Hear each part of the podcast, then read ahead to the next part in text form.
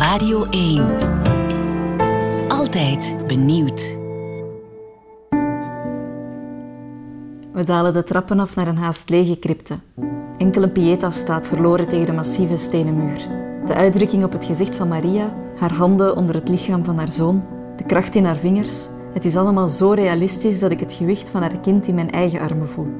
Ik zou bijna weer willen geloven om het ook te kunnen ervaren. De verbinding met de verhalen die zo lang doorverteld worden. En heel even ben ik zelfs jaloers wanneer een groep gelovigen passeert, volslagen opgewonden omdat ze de scheur in een steen hebben kunnen aanraken die volgens een gids veroorzaakt is door de aardbeving op het moment dat Jezus stierf.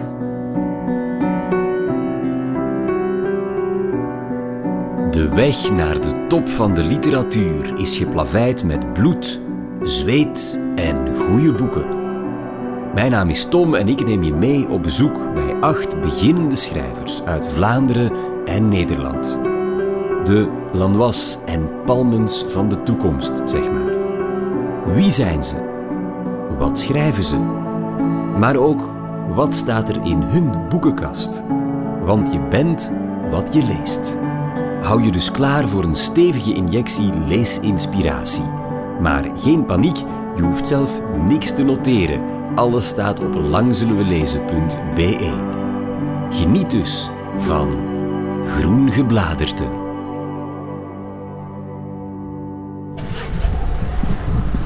De zon schijnt en we zijn in Ledenberg, de Gentse volkswijk. In een van die arbeidershuisjes die hier schouder aan schouder staan, woont Anneleen van Offel. Ze is 29, ze komt uit Antwerpen, ze studeerde daar woordkunst. Met als mentors onder andere Bart Moejaert en Jeroen Olieslagers, niet slecht. Ze schrijft columns voor De Morgen, ze is redactrice, ze is presentatrice. Ze is letterzetter van de stad Kortrijk en ze heeft na zeven jaar zwoegen haar debuutroman af. Ik heb die net gelezen en ik wil daar alles over weten. Hallo. Hi! Anneleen, ik ben Tom. Hoi. Aangenaam. Let's go! Van onder haar roodbruine bob glunderen twee twinkelende ogen recht de wereld in. En als het over boeken gaat, dan is Anneleen van Offel wakker in elke vezel. Dat is ook te zien aan haar woonkamer. Wat, wat mij opvalt, we staan in jouw woonkamer met inderdaad aan de ene kant de sofa, die er gezellig eh, en zacht uitziet. Aan de overkant een gigantische boekenkast. En wat vooral ontbreekt, is de televisie. Jij kijkt naar je boeken s'avonds, of hoe zit dat dan? Ja, dat is echt zo. Ik kijk, ik, ja, ik lees ook, hè. maar ik kijk er ook wel naar. Nee, wij hebben geen televisie. Ehm, ik lees liever. Als ik mij slecht voel, kan ik me achteraf echt afvragen van, maar hoe komt het nu dat ik mij slecht voel? Dat ik ehm, ja, een beetje mentaal verloederd ben of zo. En dan heeft dat toch meestal te maken met dat ik al een hele tijd niet meer gelezen heb of geschreven heb.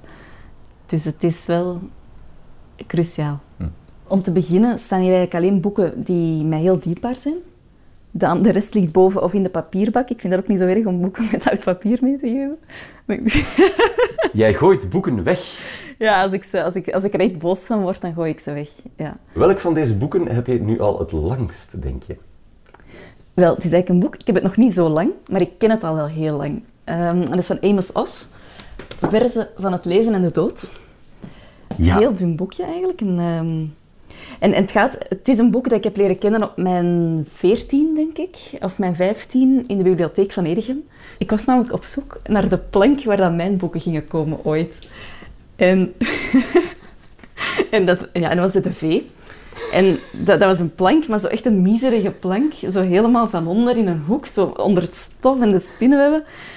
En ik was zo teleurgesteld. Ik dacht, niemand gaat ooit mijn boeken lezen. En dan dacht ik, ik ga mijn naam veranderen. Naar gewoon Anneleen Offel. Ik had ook niet door dat veel bibliotheken eigenlijk biblio- hun boeken ehm, ja, rangschikken als eh, Offel van. Dus bon, ik naar, de, naar het rek met de O. En daar stond dus Amos Os. En die, dat, ik, ben, ik heb dat boek dan vastgenomen en dat bleek dus te gaan over een schrijver. dus dat gaat over een schrijver die eh, in een café iets aan het drinken is, voorafgaand aan een lezing die hij moet geven die avond. En hij overschouwt eigenlijk ja, een, een leven van een serveerster die daar rondloopt in dat café. Ik heb dat gelezen en dat was de poort naar de literatuur. Dus misschien is daar ook al zo'n kern van, van het Israël gegeven wel, wel gekomen toen. Was de plank van de O mooier dan die van de V? Absoluut, dat was zo mooi. Oh, dat was zo'n plank op ooghoogte. Hè? Ja. Heb je, heb je al gerealiseerd dat je wellicht nu wel op die plank staat? op de offel van. Mhm. Zij aan zij met Amos Oz, zou zo maar eens kunnen. Stel je voor. Ja. Ik ben daar ja, ik, ik, ik ongelooflijk eh, liefhebber van. En toen ik, bezig, toen ik aan het schrijven was aan Hier is alles veilig, trad hij op in Brussel. En achteraf, tijdens de signeersessie, ik daar naartoe. En ik vraag hem of dat ik eens mocht langskomen in Tel Aviv. Eh, want dat ik ook een boek aan het schrijven was. ik dacht, probeer ga mee. En hij zegt, eh, hij zegt, ik heb het heel druk, maar schrijf me maar een brief. Hup, de volgende. En ik, ik dus weg, maar ik dacht, ja, maar die heeft mij zijn adres helemaal niet gegeven. Dus ik heb Amos Os een brief geschreven. En ik heb die opgestuurd naar Amos Os, Israël. Ehm, en een paar weken later kreeg ik een mailtje. En in het mailtje stond, dag Anneleen, uh, ik wens u ongelooflijk veel succes met het schrijven van uw boek, maar ik ben bezig aan mijn laatste, aan, eh, aan mijn nieuwe boek. Uh, dus ik kan u niet ontmoeten. Warme groeten, Amos Os.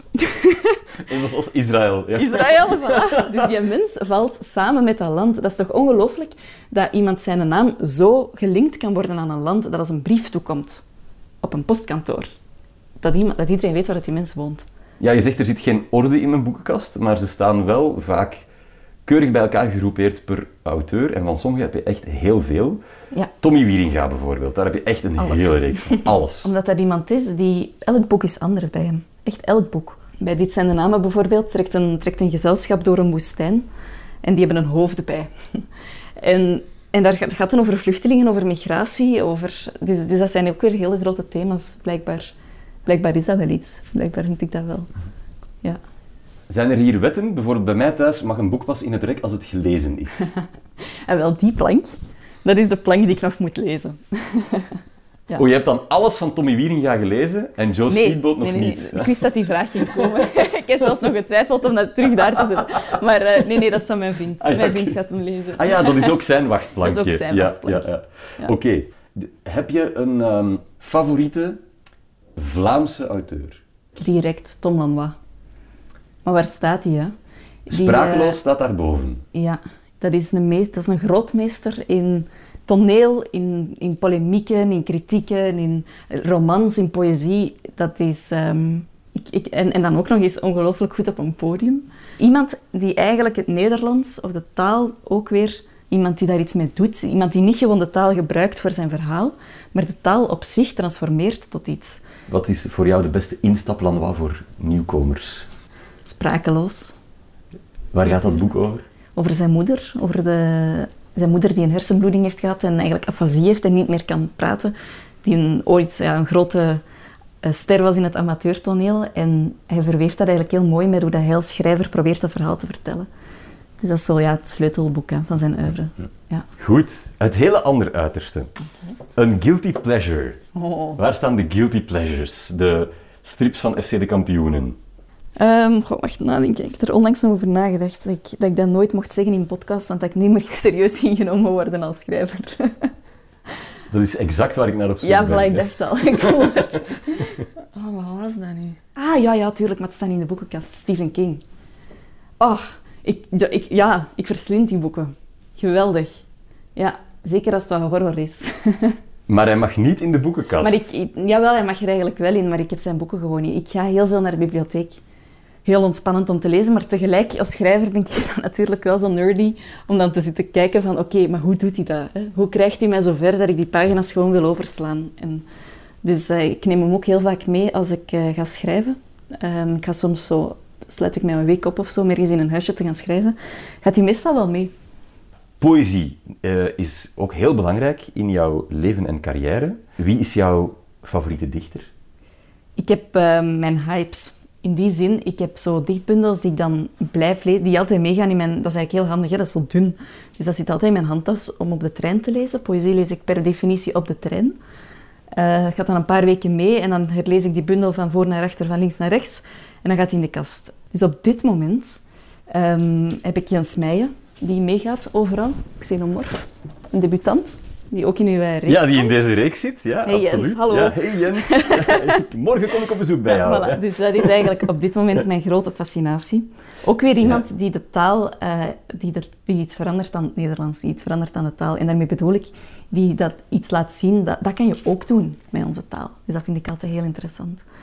Ja, allez, je slaat een bundel open en je komt op zo van die geniale dingen. Hè. Mijn galblaas is een luchtballon en ik heb watervrees. Malawi is niets meer dan een mooie naam en ik heb watervrees. Nooit een punt van homeostase en ik heb watervrees. Balans van vloeistoffen, energie, chakras. Jens, allee, kom aan. Ik vind dat fantastisch. En ik heb die nu gewoon opengeslagen. Dus, ehm, Ja. ja. dus in deze zit op dit moment eh, absoluut overal altijd bij mij in de buurt. En een andere is Ratna Fabias. Eh, ook een jonge dichteres. Ook een eh, debuut. Habitus. Ook bijna alle poëzieprijzen gewonnen, denk ik, die dat er zijn. En het mooie aan haar bundel vind ik dat zij dat is beginnen schrijven. Niet vanuit het idee, ik ga een dichtbundel schrijven, maar zij is gewoon beginnen schrijven. Dacht, wordt het een theaterstuk? Wordt het iets anders? Is het één gedicht? Zijn het meerdere gedichten? Dus je kan die van, van kaft tot kaft lezen en dan plotseling zet daar een uitgever gedichten op en wint die poëzieprijzen. Maar daardoor zegt ze ook iets over poëzie. Je hebt ook twee heel volle planken non-fictie. Heb je een non-fictieboek dat jou een inzicht heeft bijgebracht waarvan je dacht van, zonder dat boek had mijn leven er anders uitgezien? Voor veel mensen is Ja. dat bijvoorbeeld Congo van David van Ja. Rijbroek. Maar als je die nu niet mag zeggen, Als ik die niet mag zeggen, dan zeg ik eh, Leven zonder filter van Fleur van Groningen. Een boek over hoogsensitiviteit en omgaan met hoogsensitiviteit. Ja, dat zijn eye-openers geweest. Ik heb daar geen last van, maar het helpt wel het, om, het, om het als een kwaliteit te zien. En, ehm allee, een- dat is eigenlijk geen kwaliteit, dat is een persoonlijkheidskenmerk. En dankzij Fleur heb ik, wel het, ehm, heb ik mij wel op een andere manier weten te organiseren, zodanig dat, het, dat ik er geen last van krijg. van wie is de story van Robert McKee? Is die van u of van u? Van mij, ja. Maar die was eigenlijk van mijn lief. En hij had een dubbel. En ik heb dan een ander, het andere exemplaar gekregen en dat staat nu op mijn atelier. Story van Robert McKee. Wat, voor mensen die het niet kennen, dat boek, wat staat daarin? Dat is een boek over hoe je spanning kan opbouwen ehm, in verhalen. Dus niet alleen in film, maar ook in, in geschreven verhalen. Gebruik je dat? Want het ziet er ook echt, Ja. echt beduimeld uit. Ja, ja, Eh, ja, ja. Het zit, eigenlijk, dit exemplaar valt nog meer dan van mijn atelier valt uit elkaar. Van de briefjes en van de... Ja, ja, ja. Ik eh, heb effectief, hier is alles veilig, voor een stuk de spanning daarin opgebouwd volgens de technieken die in story worden beschreven. Je luistert naar Groen Gebladerte, een podcastreeks over acht debutanten van eigen bodem. Zometeen praat ik nog met Anneleen van Offel over haar eerste roman. Een intrigerend reisverhaal dat zich afspeelt in Israël. Maar eerst krijg je van haar nog een laatste leestip par excellence.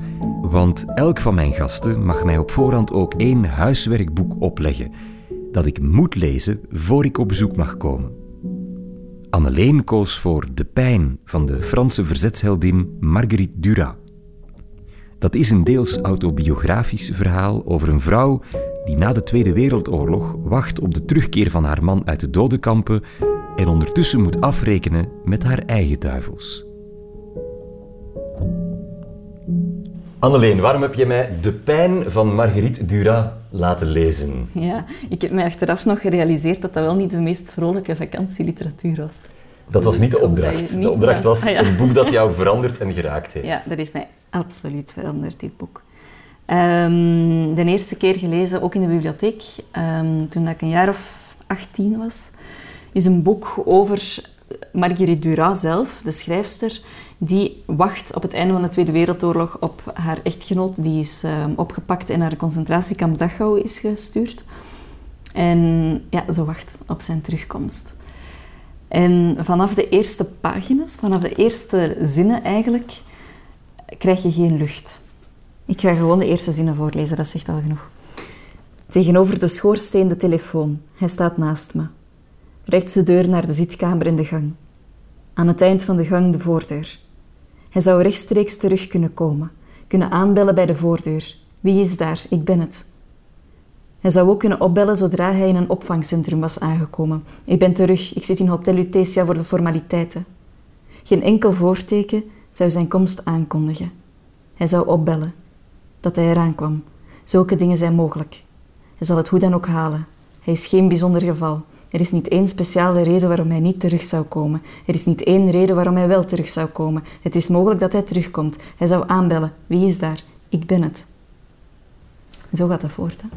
Eerste zinnen, ja. Het ongelooflijke is dat dit boek dat jij als kind ontdekt hebt, met zijn fragmentarische beeldenstroom, met zijn stijl van korte opeengestapelde zinnen, zoals je net voorlas, dat jij net een boek geschreven hebt in dezelfde stijl. Weet je wat dat zot is? Ik heb mij dat echt vorige week door het herlezen van dit boek, omdat ik met jou ging bespreken, bedacht. Dus ik heb uh, Hier is alles veilig, eigenlijk, daar zijn twee versies van geschreven voor, dit, voor deze versie. Ehm, en na die tweede afgeronde versie voelde het te veel als een verhaaltje. Dat was in derde persoon geschreven en ja, dat, dat, dat was niet urgent genoeg. En dan heb ik besloten dat het in de eerste persoon moest geschreven worden, dus vanuit Lydia, vanuit mijn hoofdpersonage. En het moest klinken alsof je te weinig adem hebt. En dan heb ik het zo herschreven. Um, en pas vorige week, dus ik was dit aan het lezen en ik dacht, Margriet, het is eigenlijk zoals dit boek. Van waar jouw fascinatie voor dat absolute dieptepunt uit onze geschiedenis, de Holocaust en de Tweede Wereldoorlog? Ik heb dezelfde verjaardag als Anne Frank. En toen ik uh, dat door had, was ik acht. En heb ik haar dagboek gelezen. En ja, zij is natuurlijk een jong meisje die schrijfster wilde worden. En dat niet kon, omwille van de wereld rondom haar, omwille van die beperkingen.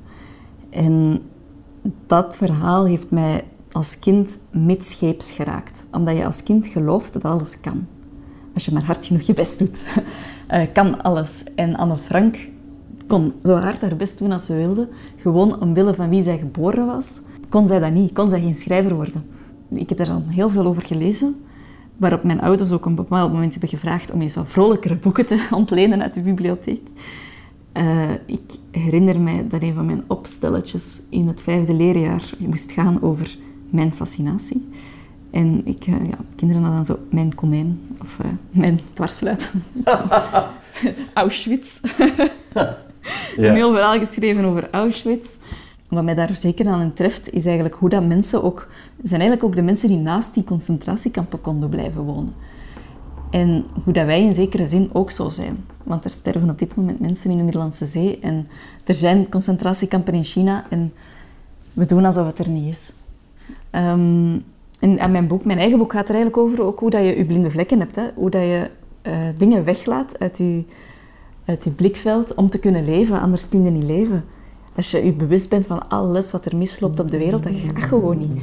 Maar natuurlijk is de crux van alles dat je bepaalde dingen wel moet zien, want anders dan loopt het zo verschrikkelijk mis tot in de kampen toe. Een Antwerpse moeder krijgt na tien jaar stilte een noodoproep van haar stiefzoon uit Israël. Wanneer ze naar hem toe reist, blijkt ze te laat. Ze reist dan maar verder door een land dat ze niet kent en niet begrijpt, op zoek naar het verhaal achter zijn dood. En ze komt daarbij ook zichzelf tegen. Dat is Hier is alles veilig, het intrigerende debuut van Anneleen van Offel. Van alle boeken die je had kunnen schrijven, is het dit boek geworden. Over dit onderwerp, met deze intensiteit, alsof je er zelf een aandeel in hebt in het verhaal. Is er iets van dit boek autobiografisch? Ja, heel veel. Ik denk eigenlijk, hè, de kern van het boek gaat niet over Israël. Het gaat niet over, um, over het leger. Absoluut niet. Die kern van dat boek gaat over een vrouw die de grip is kwijtgespeeld over haar, een, jongen die ze als haar eigen kind heeft opgevoed.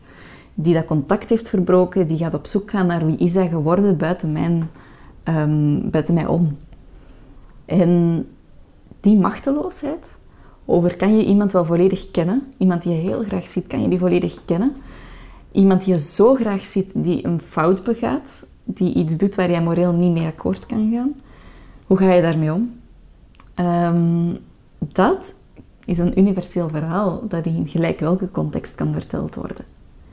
Ik heb voor de Israëlische context gekozen, omdat, het, um, omdat in Israël eigenlijk alles daar uitvergroot wordt. Dus al die vragen worden uitvergroot.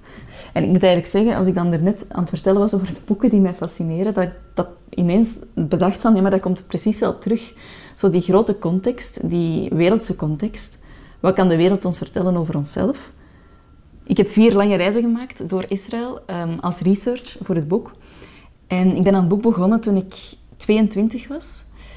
Um, ja, en als je 22 bent en je logeert bij leeftijdsgenoten in Israël, dan zijn dat allemaal mensen die in het leger dienst hebben op dit moment, op dat moment. Dat was via couchsurfing, daar zitten weinig vrouwen op, dus dat was ook vaak bij, bij mannelijke soldaten. Ehm, ik heb die altijd direct verteld dat ik een boek aan het schrijven was, waarop ik heel vaak heb gedacht van, nu kan ik een hotel gaan zoeken.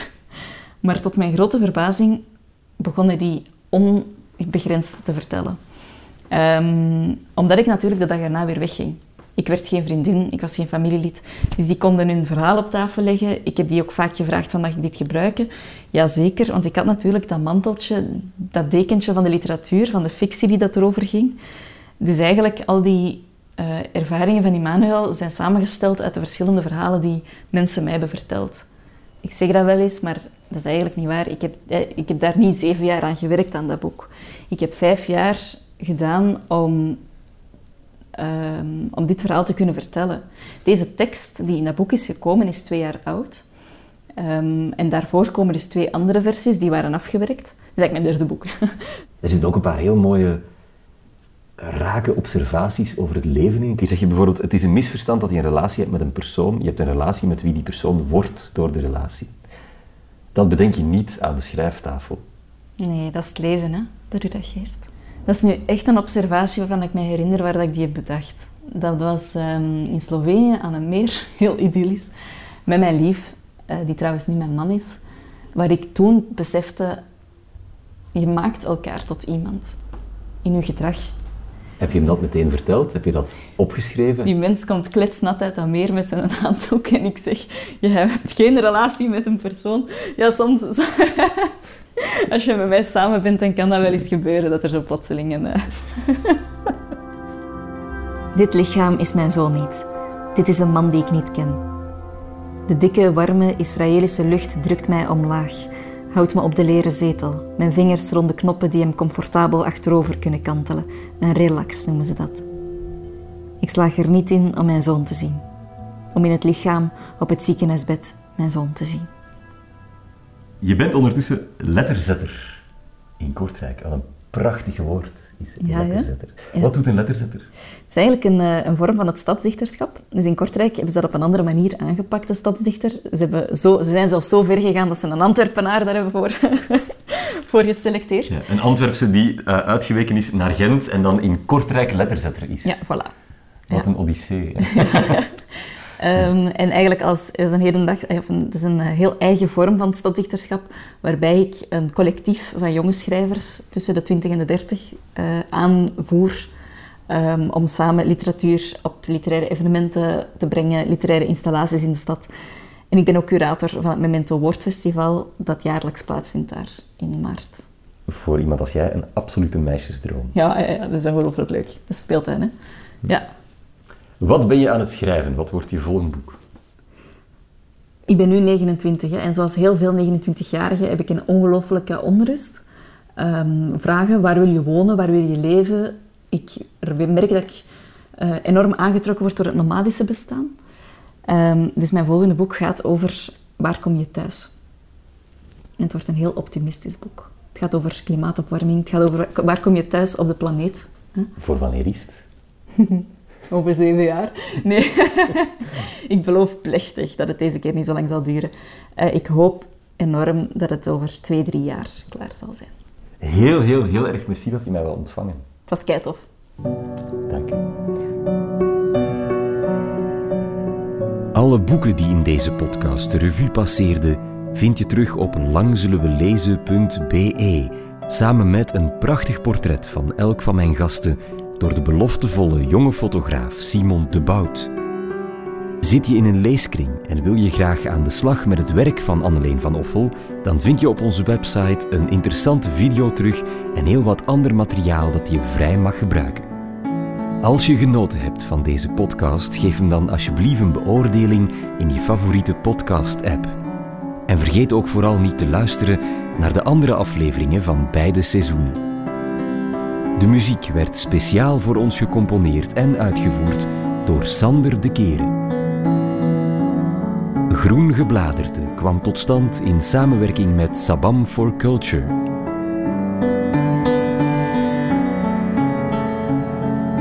Een podcast van Lang zullen we lezen voor Radio 1.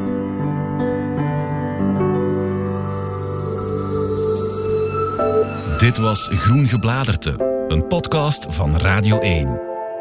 Ontdek nog meer podcasts van Radio 1 in onze app of op radio1.be.